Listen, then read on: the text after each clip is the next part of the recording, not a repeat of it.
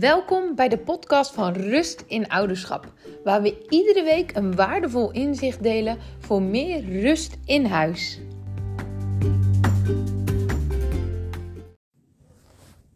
Superleuk dat je weer luistert. Vandaag in de podcast ga ik het erover hebben wanneer jouw kind hoogsensitief is. En hoogsensitiviteit is natuurlijk geen diagnose, maar wanneer jij een gevoelig kind hebt die daarbij ook woedeaanvallen heeft. Want wat kan je als ouder dan het beste doen? Want als je als ouder te maken hebt met een kind met die hoogsensitieve kenmerken, dan is het zeker niet ongebruikelijk als je te maken krijgt met woedeaanvallen. En deze woedeaanvallen zijn dan ook vaak intenser en lastiger te beheersen dan uh, kinderen die daar niet zo vaak mee te maken hebben of die minder gevoelig zijn. En het kan super frustrerend zijn en ook uitputtend voor jou als ouder om met deze woedeaanvallen om te gaan. En gelukkig zijn er verschillende manieren waarop jij als ouder je kind kan helpen om die emoties onder controle te houden. En jouw kind kan helpen om om te gaan met die hoogsensitiviteit. Want wat zijn nou precies die woedeaanvallen bij een hoogsensitief kind? Nou, je weet waarschijnlijk wel dat kinderen met hoogsensitieve kenmerken ontzettend veel oppikken. En ze weten wat ze willen, ze voelen intenser, ze zijn niet snel om die tuin te leiden en ze hebben ook vaak een sterk rechtvaardigheidsgevoel en ze zijn gewoon snel overweldigend. En wat veel mensen niet weten is dat al deze factoren invloed hebben op het gevoel van veiligheid in het brein van jouw kind. Want wanneer je heel sensitief bent, dan komt alles veel meer binnen en voel je je intern ook sneller onveilig. En wat ook maakt dat je kind misschien ook sneller angstig is. En wat ook maakt dat het emmertje van jouw kind eerder volloopt en eerder overstroomt, wat zich dus kan uiten in woedeaanvallen. En dat uiten, dat doet ieder kind anders. Het ene kind gaat slaan, schoppen of gooien met voorwerpen. Anderen gaan misschien schreeuwen, huilen of zijn verbaal agressief.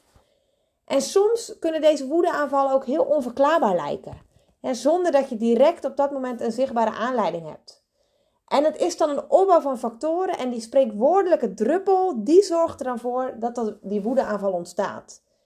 Ook kan het veroorzaakt worden door bijvoorbeeld overstimulatie, door stress of door vermoeidheid. Of wanneer je kind bijvoorbeeld heel veel trek heeft.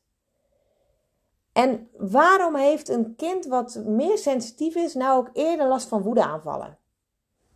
Nou, goed om te weten is, en dat weet je waarschijnlijk ook wel, iedereen wordt natuurlijk geboren met gevoelens en met alle intensiteit die daarbij hoort.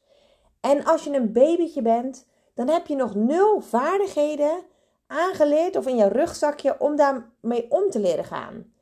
En als ouder kan jij je kind dus helpen om die vaardigheden in de loop van de jaren aan te leren en om jouw kind te leren omgaan met al die lastige gevoelens en emoties. En jouw doel is dan niet om die emoties van je kind te niet te doen, dus dat ze er niet mogen zijn of dat ze onderdrukt moeten worden of zo snel mogelijk moeten stoppen. Nee, maar om jouw kind copingvaardigheden aan te leren om met die gevoelens om te gaan.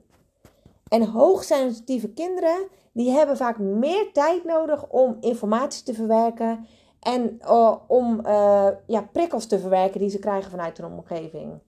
En hierdoor kunnen ze dus ook sneller overprikkeld raken en kan het voor jouw kind dus ook moeilijker zijn om emoties te reguleren. En dan is het voor hen en ook voor jou als ouder dus ook harder werken om jouw kind die vaardigheden aan te leren om met al die gevoelens en met die emoties om te gaan. En dat kun je eigenlijk net zien als met leren zwemmen. een kind kan nog niet zwemmen als het nog niet heeft geleerd om te leren zwemmen. Dus als het nog geen vaardigheden heeft om te kunnen zwemmen. En een kind kan zichzelf ook nog niet reguleren als het nog niet heeft geleerd hoe hij dat moet doen. Als het nog geen vaardigheden heeft geleerd om zich te kunnen reguleren.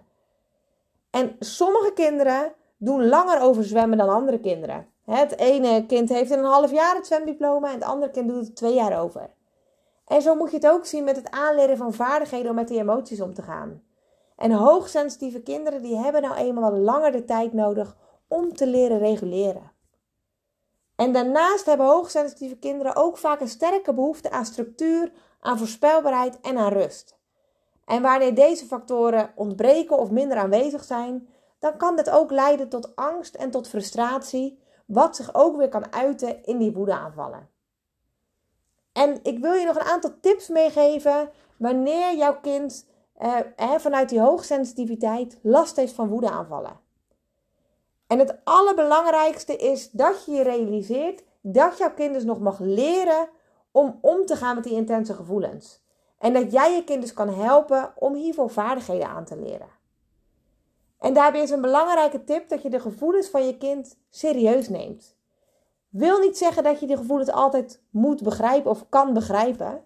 je begrijpt soms niet als jouw kind hysterisch huilt omdat een koekje in tweeën is gebroken of omdat een trui niet goed zit. Nee, het belangrijkste is dat jij je kind gelooft, dat je dat gevoel erkent en dat je dat gevoel van je kind serieus neemt. Een tweede tip is uh, dat het goed is om te zorgen voor die structuur en die voorspelbaarheid. Want hoogsensitieve kinderen die gedijen goed bij die structuur en die voorspelbaarheid. Dus maak bijvoorbeeld voor zover mogelijk een vaste dagindeling en zorg voor een rustige en gestructureerde omgeving. En geef je kind daarnaast ook voldoende rust en voldoende ontspanningsmomenten. dit kan bijvoorbeeld door samen te wandelen, door iets van yoga, door rustgevende activiteiten zoals tekenen of knutselen. En het kan ook helpen om met je kind te praten over zijn of haar gevoelens. Want hoogsensitieve kinderen die hebben vaak meer tijd nodig om hun emoties te verwerken. En neem ook die tijd om met jouw kind te praten over wat hij of zij voelt en hoe dit zich uit.